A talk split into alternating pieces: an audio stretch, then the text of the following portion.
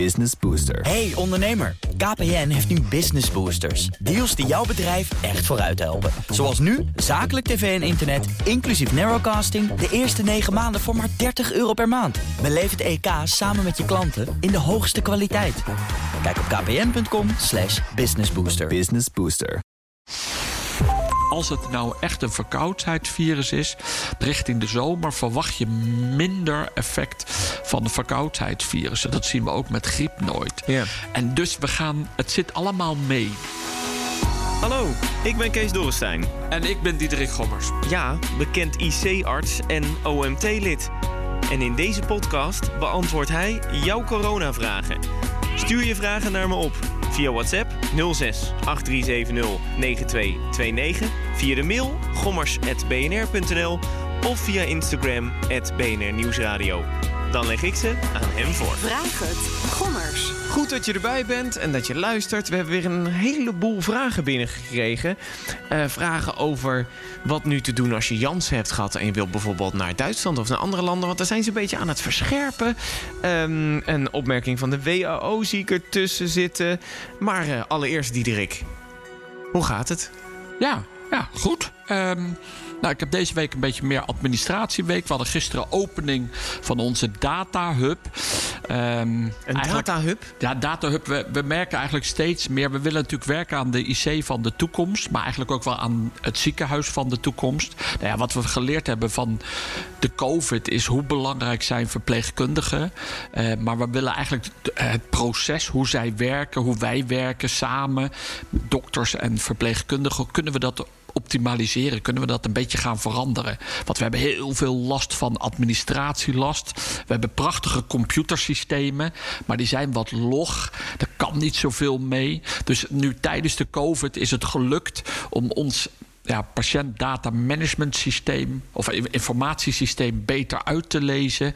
En daar gaan we mee nu aan de slag in de hoop dat we de intensive care anders kunnen inrichten en dat we eigenlijk meer datagedreven zorg kunnen leveren. Dus eigenlijk aan het bed dat je op een scherm allerlei tips en tricks krijgt hoe het met je patiënt gaat en metingen en dat je medicijnen moet geven of dat het protocol eigenlijk dit zegt. Omdat de data eigenlijk al kan voorspellen wat, wat er gaat Ja, gebeuren. dat is dan de volgende stap. Op, daar zit natuurlijk, hè, we meten 130.000 datapoints op een dag aan een patiënt op de intensive care. Dus we, we vergaren heel veel data. En dan kan je natuurlijk ook algoritmes gaan bouwen die misschien over 10 minuten kunnen voorspellen of je een lage bloeddruk krijgt of dat er iets misgaat met de, adem, met de beademing. Want daar zit eigenlijk die verpleegkundige voor. En als die computer je nou kan helpen, kan je het misschien eh, voor zijn en dan voorkom je misschien problemen. Nou, dat, dat is heel uitdagend. Doen we samen met de TU Delft en alle andere. Oh, Ook bedrijven helpen ons daarbij. Dus een hele andere ja, weg. En dat, ja, dat geeft ongelooflijk veel plezier. Maar om uiteindelijk de stress bij eh, verpleegkundigen te verminderen. Ja, Dus- maar kijk, wat we vooral geleerd hebben tijdens de COVID is dat sommigen zeiden: ik ben mijn werkplezier verloren. Ik heb eigenlijk geen tijd meer om echt meer empathie, meer bij de patiënt te zitten, gewoon zijn hand vast te houden, het verhaal aan te horen, met die familie te spreken. Ik ben eigenlijk heel de tijd bezig met administratie en andere dingen. En zeker toen ze voor drie patiënten moesten zorgen, dan waren ze een beetje out of control. Dus wij zijn aan het nadenken of we met al die data die er al is, kunnen we dan het leven van de verpleegkundige vergemakkelijken, maar ook van de dokter. En eigenlijk dan zien hoe we hun werk leuker kunnen maken, zodat ze ook bij ons willen blijven werken. En dat jonge mensen ook bij ons willen komen werken. Dus En dat is, ehm, ik, zoals ik begrijp, hebben jullie allemaal verschillende systemen die data verzamelen in, binnen het ziekenhuis. ja, En die hebben jullie aan elkaar gekoppeld, zodat je eigenlijk ook veel meer kan leren van die data. Ja, en dat zat al in het EPD.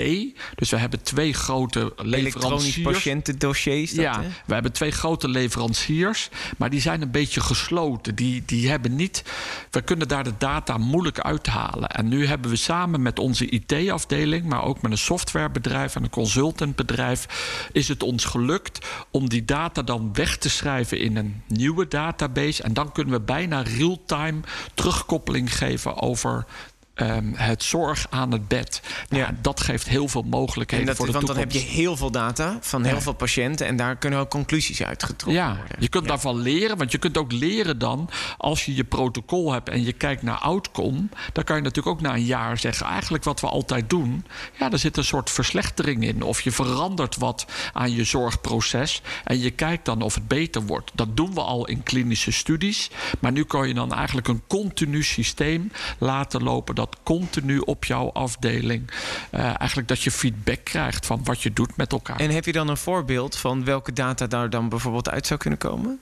Nou ja, we, bedoel, we hebben nu al zo'n dashboard gemaakt met mensen met een hoge hersendruk. Daar hebben we een heel strikt protocol voor. Dat als die druk boven de 20 eh, mm kwik is, dan moet de verpleegkundige en de dokter in actie komen. Nou, en dan kan je heel tijd laten zien of dat goed gaat, of er dus ook iets gebeurt. Maar je kan dan ook een pop-up maken van met een rood alarmbelletje van jongens, oké, nu moeten jullie in actie komen, of jullie zijn niet in actie gekomen, of het lukte niet. En, en uiteindelijk kan je natuurlijk die patiënt vervolgen. En als je nou heel veel patiënten hebt die je op die manier behandelt, kun je ook zeggen: jongens, eh, we zien eigenlijk dat die outcome, als we dit en dit doen, beter wordt. Of als we zo Als je door- net iets eerder ingrijpt. Of als je eh, dat de, Ja. bijvoorbeeld als je bepaalde medicijnen geeft. Ja, Of, of zo. nou ja, kijk, dat soort dingen doen we vaak in klinische studies, maar dan is het gerandomiseerd. De een doen we wel, de ander niet. Maar nou willen we eigenlijk, omdat we al die data eigenlijk wel he- hebben, willen we die veel meer direct inzitten. En dan moet je eigenlijk wel je data direct terug kunnen geven. Nou ja, da- dat, eh, daar gaan we mee aan de slag. Maar met, dat, met als doel, het allergrootste, belangrijkste doel is werkplezier terugkrijgen. Zodat we, nou ja, als we de, de zorg vragen hè, naar IC of ziekenhuisbedden, dat we voldoende personeel kunnen behouden en dat ze het leuk vinden om bij ons te blijven Omdat je werken. veel slimmer data gewoon kan in kan zetten. Ja, en dan, Ja. ja. dan hoop ik eigenlijk dat zij minder stress hebben, maar dat ze ook tijd krijgen meer voor bepaalde dingen zelf te doen. Voor zelfstudie op de dag, of dat ze zeggen, nou, ik vind dat onderwerp of die ziekte wel leuk, of daar wil ik eigenlijk meer tijd aan besteden. Dus wij willen eigenlijk mogelijkheden creëren zodat het werk aantrekkelijk wordt voor verpleegkundigen. Wat interessant. Leuk. Ja. Dat, eh, dit eh, onderzoek. Ehm, we gaan gewoon naar de eerste vraag. Wat dat betreft van Machtot en Margriet. Die zeggen beide: hoe zit het met het gezondheidsraadadvies over het boosteren van onze 12 tot 18-jarigen? Eén zegt dan: Mijn meiden willen graag een booster, eh, maar blijft een beetje stil. Weten jullie hoe het zit met de stand van zaken? Eh, en dan eh, zegt de ander weer: wordt er in het OMT ook besproken over het boosteren van de doelgroep 12 tot 17-jarigen? Ehm, nergens is te lezen of dit dus in de planning ligt. En anders mogen onze kinderen niet op wintersport mee. Want sommige landen die, die hanteren weer andere regels wat betreft het boosteren. Nou, kijk, ik weet niet precies wat er in de gezondheidsraad speelt. Eh, en wij hebben het. We hadden vanochtend nog een OMT-vergadering. Daar is het niet ter sprake geweest. Ehm, dus. Ik weet eigenlijk, we moeten daar eigenlijk een beetje op wachten. Wat het lastige is, is dat we gewoon zien dat de natuurlijke immuniteit die je opbouwt als je Omicron-infectie krijgt, dus toch verkoudheidsklachten, dat dat eigenlijk heel goed is. Hè. Je bouwt dan een goede afweer op, die soms misschien wel een ietsje beter is dan van een boostervaccin. Maar je loopt natuurlijk wel weer risico dat je ziek bent. Maar vooral wat ik begrijp van de vragenstelster, het is natuurlijk wel belangrijk dat je op vakantie kan. Want als je dadelijk als volwassene wel geboosterd bent, maar je kinderen niet, en je mag dan eh, Oostenrijk of Zwitserland, eh, Frankrijk niet in, ja, dat is natuurlijk heel vervelend. Ja, dus sommige landen hanteren dan gewoon vanaf 18 en dan is bij kinderen gewoon een test. Eh, maar sommige hanteren dan weer vanaf 17 volgens mij. Maar ja, wij boosteren geen 17-jarigen, dus dat is Ja. lastig. Nou, kijk, dus ik, ja, ik denk dat we heel even moeten afwachten. Want dit is eigenlijk echt wel aan de, ja, aan de gezondheidsraad, maar ook wel aan de minister om dit snel op te lossen. Ik verwacht het eigenlijk wel. Ja, ik sprak de gezondheidsraad laatst nog eventjes. En die zeiden ja, het ligt, het staat ergens op de agenda, maar het is nog niet besproken. Dat was, wat is, was Ja, het eigenlijk. ja, kijk, omdat die Omicron nu ook verandert, is de druk ook een beetje weg. Maar ja, wat ze zeggen, het is natuurlijk ook wel gewoon, kan ook gewoon heel praktisch zijn. Want dan kan je als 17-jarige niet mee op vakantie. Nee, inderdaad, ja. Maar ja, het liefst... eh, ik bedoel, op het moment dat je het krijgt... en je laat dan weer je kinderen testen... en is bewezen, dan telt dat natuurlijk ook weer als booster. Maar ik weet niet precies hoe het al met al die wintersporten. Uh, nou ja, maar laten we hopen. Die Omicron die gaat echt de goede kant op. En, en je ziet toch iedere keer weer dat. Hè, nu gaat ook Engeland alles versoepelen.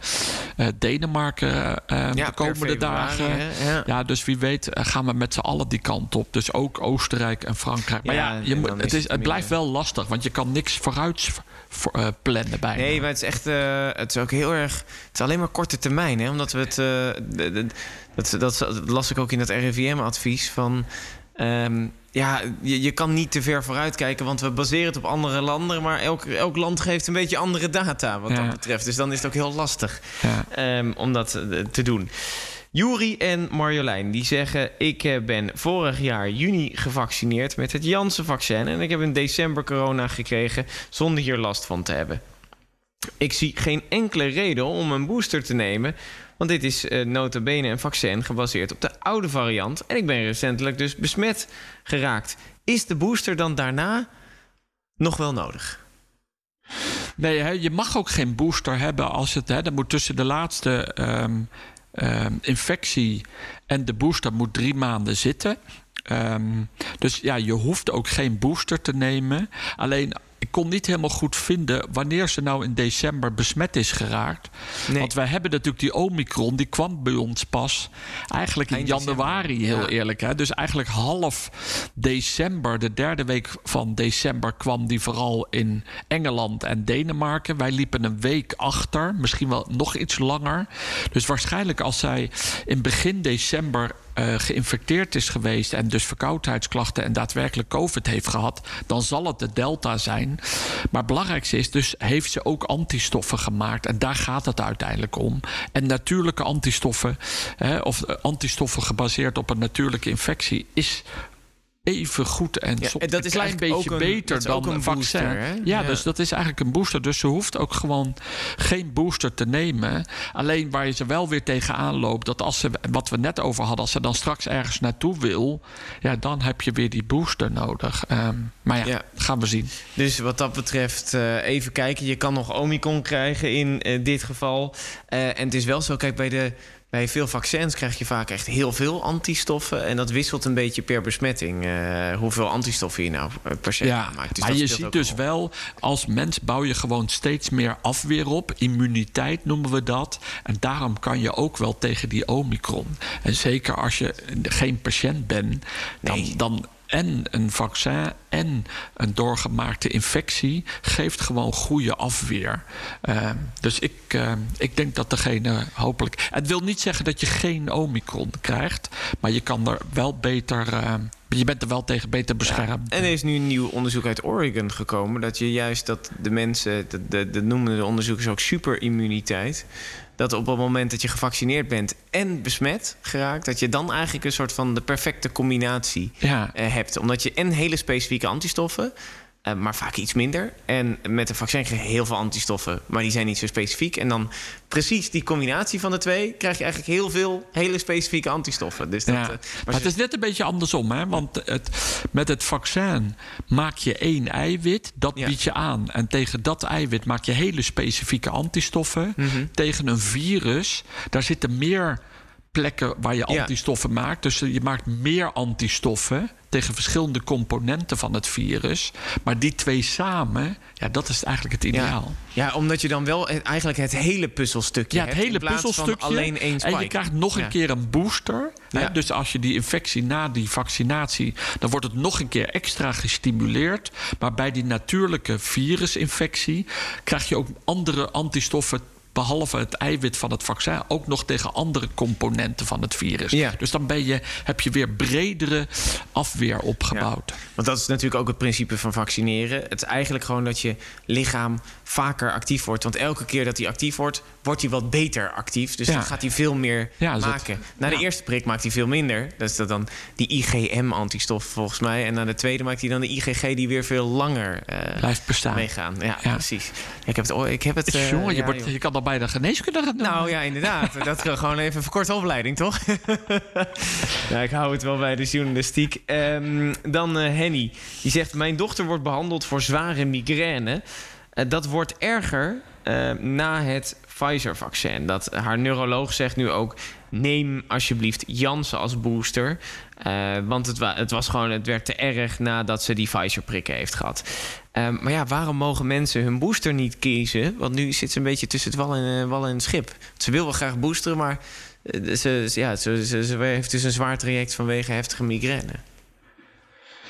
Ja, dus zij heeft dus echt een medische indicatie om een ander vaccin te nemen als booster. Mm -hmm. Ja, ik, ik, denk dat ze gewoon gelijk heeft. En, en dat moet dus eigenlijk ook gewoon kunnen. Dus ik zou, als ik haar was, gewoon een brief schrijven naar de nieuwe minister. Dat ze dat gewoon nodig heeft. En ook de dokter.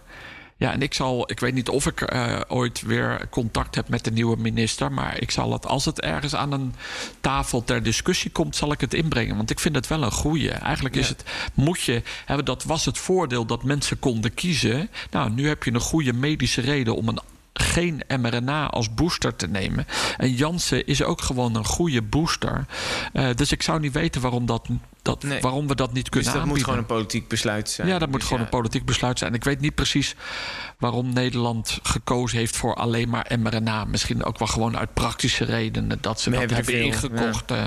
Ja, exact. Dus uh, doe dat. Um, contact VWS, uh, geef dit aan. En dan kan altijd het ministerie zeggen... Hey, we laten het weer bespreken in het OMT...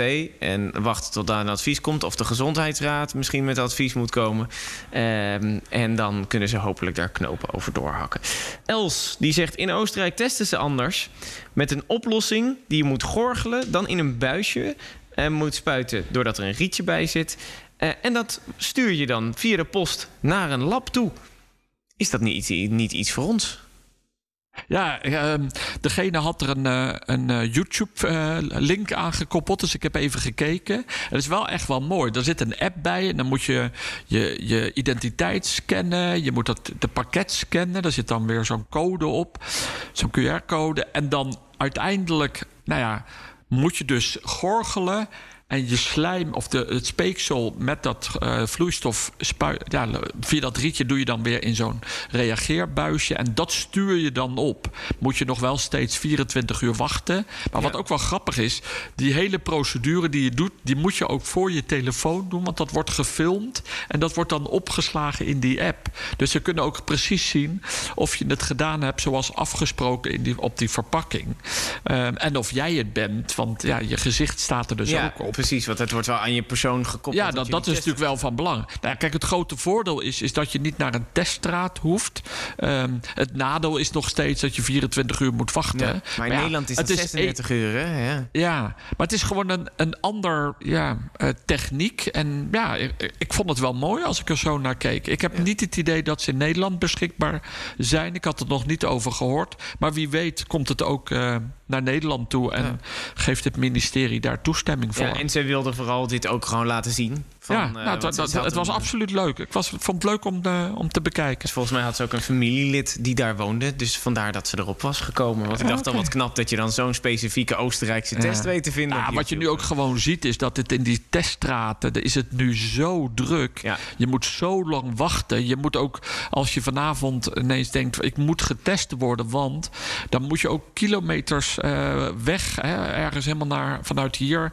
Ik zit hier in de buurt van Dordrecht... maar dan moet je naar Roosendaal om je te laten testen. Is een beetje van de gekke. Dus ik kan me wel voorstellen dat ik dit eigenlijk best wel een mooie oplossing vind. Want je, je haalt het uit die verpakking. Je, nou, je, je, je doet dat gorgelen. Je doet het in die reageerbuis. Je plakt het weer in. En diezelfde verpakking plak je netjes dicht. En je stuurt het op. En dan gaat het naar het laboratorium. Ja, kijk, die laboratoria, die hebben we wel. Ja. Dus eigenlijk is dit ook, zou ook best wel een eigenlijk goede methode zijn voor Nederland. In principe, want ook vanuit zo'n GGD-testlocatie moet het naar een laboratorium. Ja, ja. Dus, dus of zij het nou opsturen of jij zelf. Dat ik vond is, het uh, eigenlijk wel een mooie oplossing. Nou, nou uh, goed gevonden, Els, uh, wat dat betreft. Als je dit zelf wil zien, ik zal even de YouTube-video aanklikken.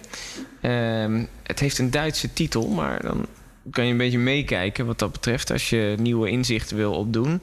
Uh, het is van Stad Wien, het kanaal. Dat is gewoon stad Wenen. En het heet hashtag alles gurgelt, de G-U-R-G-E-L-T, dubbele punt, zo gates. Nou, dat is eigenlijk helemaal niet zo moeilijk. Alles gurgelt, zo gates. Um, dat is dan Duits, voor als je het afvroeg met mijn accent. Um, Tom, die zegt... de WHO zegt dat er een einde aan de pandemie zit aan te komen in Europa. Klopt dat? Ja, wist ik het maar. Je begint ook heel erg te lachen. Alsof je een orakel bent. Nou ja, kijk, en, en, en bedoel, en dan is het wel mooi, hè, want al die mensen, want er, er werken ook heel veel mensen bij de WHO. En ik weet ook niet eh, of de ene belangrijker en slimmer is dan de ander. Ja, dit zijn wel de directeur van de WHO. Ja, nou goed. En, maar er zijn ook weer heel veel directeuren binnen die Ja, WHO. dat klopt. Ehm, maar het is lastig. Maar we, kijk, we, we zitten ergens in een fa- We zitten nu nog in een pandemie. En we, en we willen heel graag naar een endemie. Hè, eigenlijk dat het. De verwachting is dat COVID-19 hetzelfde wordt als griep. Alleen wanneer we daar komen. Dat weten we zo moeilijk. Hè. Dat kan nog een jaar duren. Uiteindelijk wordt het dan vooral een verkoudheidsvirus die ieder jaar weer terugkomt. En of dan COVID-19 dat griepvirus wegduwt of dat we het beide kunnen krijgen, dat weten we niet. Maar uiteindelijk wordt het dan eh, dat het ieder jaar terugkomt en dan vooral in de winterperiode. Maar vorig jaar hebben we de Delta-variant midden in de zomer gekregen. En de vraag is nu een beetje, als nu die Omicron... maar wij bouwen steeds meer afweer met elkaar op. Hè? Dat noemen we immuniteit. Dan wel hè, doordat je de infectie doorgemaakt hebt... of de vaccin of beide. En dus worden we steeds minder gevoelig voor het COVID-virus, COVID-19-virus. En dus het idee is wel dat we het steeds verder voor ons uitduwen. Dat Ja. we niet meer van elk variantje gevoelig zijn. Nee, omdat je van elke variant, stel het is heel besmettelijk. Er de, de, de, is alweer een nieuwe variant, hè? Ja, de daar COVID BA2 is Ja. dat dan. Die gaat helemaal rond in Denemarken, waardoor ze nog steeds hele hoge besmettingen hebben. Dat ja, maar hij is ook weer niet zie- ziekmakender, maar hij is wel weer nog een tikje besmettelijker. Ja. Het is een variant op de Omicron. Ja, dus eigenlijk, maar dat is, op zich is dat gunstig. Want op het moment dat er een ziekmakendere komt die minder besmettelijk is, gaat die het niet eh, Ja. winnen. Nou ja, kijk, wat, wa- kijk wat, er, eh, wat je het voordeel hebt nu met die Omicron... is dat meer mensen lopen de infectie op. Ja, dat klinkt een beetje gek uit mijn mond... maar, maar daardoor loop je, bouwen meer mensen ook natuurlijke afweer op. Natuurlijke immuniteit. En dat is gewoon een voordeel. Ehm, andere mensen die hoog risico zitten... die hebben de booster gehad... en nou ja, we verwachten een piek in maart en dan moet het daarna, of een piek eind februari, begin maart en dan moet het daarna weer zakken. En dan gaan we richting de zomer. En het, als het nou echt een verkoudheidsvirus is, dan is dit wel een mooie periode. Want richting de zomer verwacht je minder effect van de verkoudheidsvirussen. Dat zien we ook met griep nooit. En dus we gaan, het zit allemaal mee. Alleen, ja, het, het gevaar hoeft maar een heel klein hoekje te zitten, omdat het niet alleen in Europa gaat, maar dat het ook met varianten uit over de hele wereld gaat. En dat we natuurlijk komende zomer. Of misschien al in het voorjaar weer met z'n elkaar weer op vakantie willen. Ja, is er wel weer risico dat iemand weer een variant mee terugneemt. Ja. Maar ja, dan is het weer afhankelijk hoe besmettelijk is die. Ja, als het niet op de zorg drukt, ja, dan, dan zitten we. Dan, ja, dan wordt iedereen krijgt alleen maar een beetje eh, een, een, een verkoudheid, bij wijze van. eh, Ja, maar je kunt dus nu nog niet zeggen van de experts, begrijp ik, hè, want ik weet daar ook niks van, dat de, de, de volgende variant kan lichter zijn dan de Omicron, maar hij kan ook af en toe nog zwaarder zijn. Dus heftiger, dat hij toch weer ziekmakender is, meer op de Delta-variant. Maar de vraag is dan, hebben we dan de vaccins die we hebben, zijn die nog goed werkzaam? Of de vaccins die we al genomen hebben, zijn die nog goed werkzaam? Of eh, hebben we genoeg antistoffen ook tegen die nieuwe variant? Of is het een totaal andere?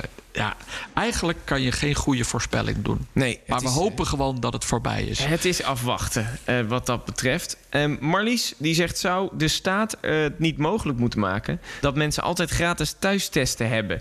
Zo wordt er veel vaker getest en hebben we een beter overzicht.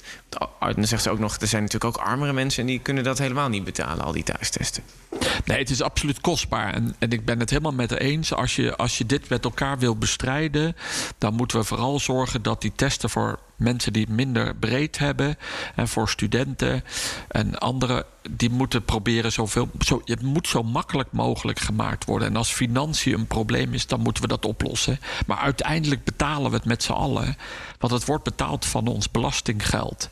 Dus ja, Ja, behalve als je ze zelf moet kopen natuurlijk. Ja, maar ja, eh, is ook zo. Maar als we heel veel testen gaan betalen voor elkaar, gaat ook de belasting omhoog. Dus, maar ik ben het helemaal mee eens. Laten we alsjeblieft de mensen die het geld uh, moeilijker hebben met geld, die moeten vooral gratis testen krijgen. En dan moeten de anderen die wat ruimer in hun geld zitten, dat uh, zelf mee betalen. Ja. Uh, Claire, die zegt: Mijn dochter, die is 15, die heeft na haar eerste vaccinatie een opgezwollen lymfklier overgehouden. Na de tweede werd deze groter en uh, kwam, er ook meer. Nu zijn we zes maanden verder en heeft ze er nog steeds last van. Is dit te verklaren? Nee, want het verhaal vertelt niet welke lymfeklier. Is het dan. Heb je zoveel verschillende lymfeklieren? Ja, je hebt overal lymfeklieren. Je voelt ze vaak in je lies, maar ook in ja. je hals naar je verkoudheid. Soms in je oksel. Ja, want dat was heel erg het verhaal na de booster. Ja, dus daarom. Dus het hangt een beetje af. Is het als het aan de linkerarm geprikt is, zit daar de lymfeklier. Maar je hebt overal lymfeklieren. Maar de lymfeklieren, dat is eigenlijk ook de locaties waar al die B- en T-cellen zitten uh, te wachten om de afweer. Hè. Dus lymfeklieren spelen een belangrijke rol in je afweer. Dus ik kan me, hè, dus als je een keel infectie, een ontsteking hebt, dan kan je, heb je soms gezwollen lymfeklieren. Die voel je dan ook in je hals. Um, Betekent dat dat ze dan goed bezig zijn? Ja, ze zijn goed bezig. Maar één opgezwollen lymfeklier die lang bestaat... dan zou ik toch even naar de huisarts gaan. En dat toch even naar laten kijken. Ja, dat is, ja, ja wat is half, een half jaar, dat vind ik best lang ook. Dan had je wel nee, het, het kan zijn dat het niks voorstelt. Het kan ook zijn dat ik zou gewoon even naar de dokter gaan. Oké, okay, nou, Claire, neem je dochter mee naar de dokter. Lia, je zegt vrienden gingen met zeven personen op wintersport. En zaten daar samen in een huisje. Vijf personen kregen corona, twee niet. Alle vijf uh, hadden ze twee vaccinaties gehad, waarvan één ook een boosterprik. Die twee die niet ziek zijn geweest, hadden alle twee eerder al corona gehad. Hoe, zit dat, hoe is dat eigenlijk te verklaren? Dat die dus niet ziek zijn geworden, want die hebben corona gehad. En die anderen die zijn gevaccineerd en geboosterd en die hebben het wel gekregen. Ja, het is natuurlijk altijd heel erg moeilijk. Maar dit is eigenlijk wat we net ook vertelden. He, dat je als je op de natuurlijke weg heb je misschien iets betere afweer. Maar wat natuurlijk heel belangrijk is, dat vertelt het verhaal niet. Uh, wanneer hebben ze die infecties gehad? En, en hoe jong zijn ze? En zijn de anderen verschillend in leeftijd en dergelijke? Maar, maar we weten nu van de Omicron dat als je volledig gevaccineerd bent, dan beschermt het nog maar matig heel goed tegen ziekenhuis- en IC-opnames. Maar beschermt nog maar matig tegen ziek worden. Dus verkoudheidsklachten. Als je de booster neemt, dan wordt het weer een beetje beter. Stukken beter. Dan is het nog steeds heel goed tegen ziekenhuis- en IC-opnames. Maar ongeveer 80% beschermt het tegen infectie lees verkoudheidsklachten, maar 20% ook niet. En als je natuurlijk op natuurlijke weg infectie hebt gehad, ja, dan heb je iets breder in antistoffen. Uh, maar hangt dat ook een beetje af hoe lang dat geleden is en hoe oud je bent. Ja, en blijkbaar in dit geval hadden zij de beste bescherming. Ja, volgens mij, ik, uh, ik heb een korte samenvatting van deze vraag opgeschreven. Maar volgens mij was iedereen die daar uh, naartoe was gevaccineerd, maar hadden er dus twee uh, al eerder corona gehad. En ik weet dan niet hoeveel prikken ze ja. gehad. Ja, maar wat, dat, is wat je ook net zei, dat, uit dat onderzoek uit Amerika... dat als je gevaccineerd bent en daarna nou, uh, COVID hebt opgelopen... dat je dan eigenlijk super uh, hè, beschermd ja, was. Ook nee, dat zou meegaan. dus hier ook kunnen zijn. Maar dat, dat kunnen we niet helemaal Nee, uit het verhaal precies. opmaken. En het is wel zo, inderdaad, het klopt. Dat bij vaccinatie is het zo uh, dat je natuurlijk, met Omicron kan er wat makkelijker doorheen breken. Maar je ziet dan wel aan de data dat, ook al gebeurt dat, dat, uh, dat de kans om naar het ziekenhuis en of naar de, de IC te komen heel klein is. Ja, Omdat je beschermt dan 95, 97 procent. Terwijl de booster na een volledige vaccinatie om geen verkoudheidsklachten te krijgen, is maar in de buurt van de 80, zo rond de 80, net daaronder of net daarboven. Uh, en dat is natuurlijk een groot verschil. Nee, dus dat is de, uiteindelijk is natuurlijk de vaccinatie vooral om als je het dan krijgt, dat je het niet heftig krijgt. En, uh, ja, maar dat is ook het allermooiste. dan Dat- daarom zijn we ook zo. Ja, daarom zijn we ook nu ook zo blij met die Omicron. Want we zien gewoon dat mensen. Nou, we zien ongelooflijke grote hoeveelheden besmettingen. Hè, heel veel positiviteit. Maar we zien nog relatief weinig opnames. We zullen wel zien, als je kijkt naar het buitenland, dat we mensen zullen opnemen. eh, omdat ze toch zuurstof nodig hebben. Maar wat het nu anders is dan de vorige keer. Er is ongeveer 60% wordt echt opgenomen omdat die benauwdheidsklachten heeft van het virus, van de Omicron. Maar 40% komt eigenlijk om een andere reden naar het ziekenhuis, maar heeft ook Omicron. En dat is anders dan we tot nu toe hebben eh, altijd over gesproken. Je kwam altijd met COVID-19 naar het ziekenhuis. eh, en omdat je klachten had, nu blijkt dat je met andere klachten kunt komen. En dan heb je toevallig ook het virus bij je. Dan zeggen eh Jannie en Sjoukje... die zeggen Omicron is milder... maar kunnen we ook nog een heftigere variant krijgen? Of is een nieuwe variant vaak gewoon milder? Ja, daar hebben we het net over gehad. Het kan allebei en ik weet het helaas niet. Nee. En we hopen met z'n allen dat de volgende milder is. Ja, eh. tot nu toe is het eigenlijk... is hij telkens besmettelijker geworden. Met Alpha en Delta was hij niet per se milder. Was ongeveer even, evenveel. Eh, Over Omicron zien we dan dat hij wel weer milder is. Nou, kijk, het, het lastige voor de volgende variant, maar dat is voor ons een voordeel, we hebben steeds meer afweer. We hebben steeds meer immuniteit. Dus de volgende varianten moeten echt steeds slimmer worden om ons nog te infecteren. Vanuit de evolutie van een virus, als een virus wil overleven, dan moet hij eigenlijk heel besmettelijk zijn, maar niet ziekmakend. Want anders heeft hij geen gastheren meer. Dat heb ik ook al eerder gezegd.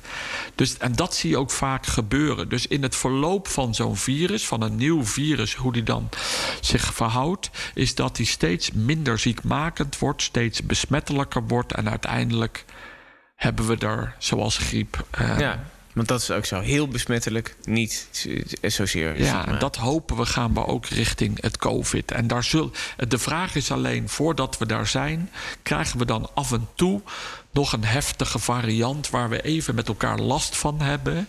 En ik hoop gewoon dat we dan niet meer dan het land hoeven stil te leggen. Want Nee. dat is eigenlijk waar we ons op voorbereiden. Dat die, ik verwacht dat we nog af en toe denken... oeh, er komt toch weer een variant.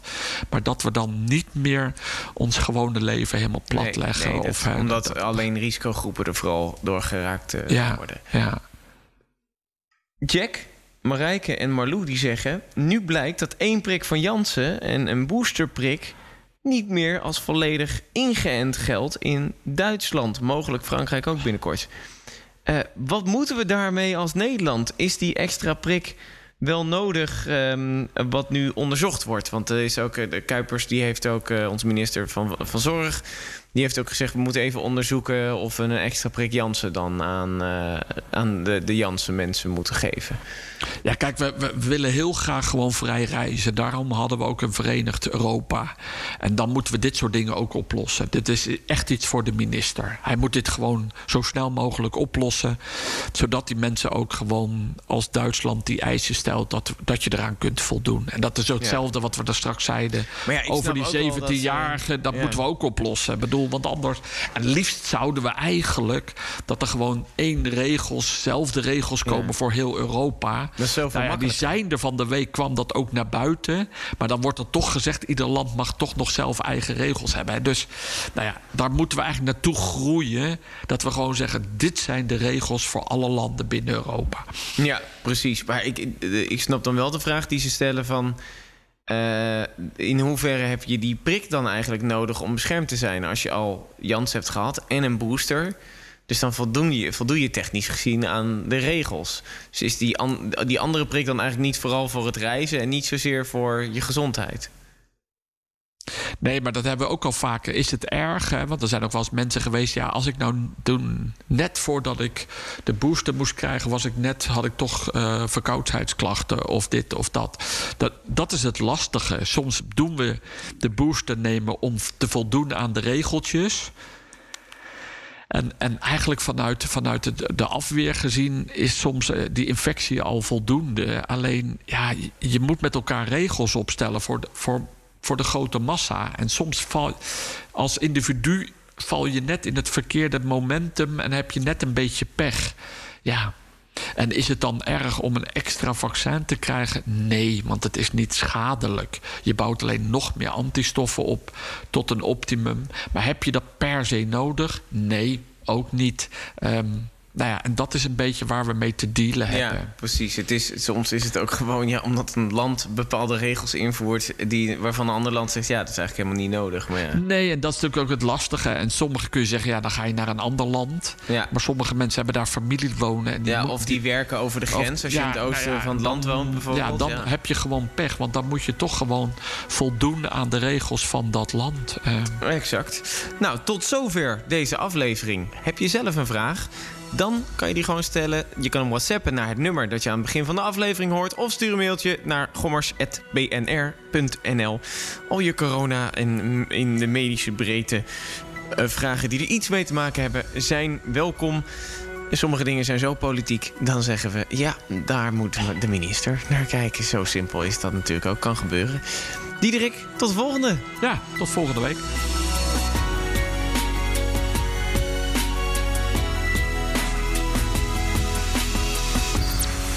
Het. Gommers. Gommers. Business Booster. Hey ondernemer, KPN heeft nu Business Boosters. Deals die jouw bedrijf echt vooruit helpen. Zoals nu, zakelijk tv en internet, inclusief narrowcasting... de eerste 9 maanden voor maar 30 euro per maand. Beleef het EK samen met je klanten in de hoogste kwaliteit. Kijk op kpn.com businessbooster. Business Booster.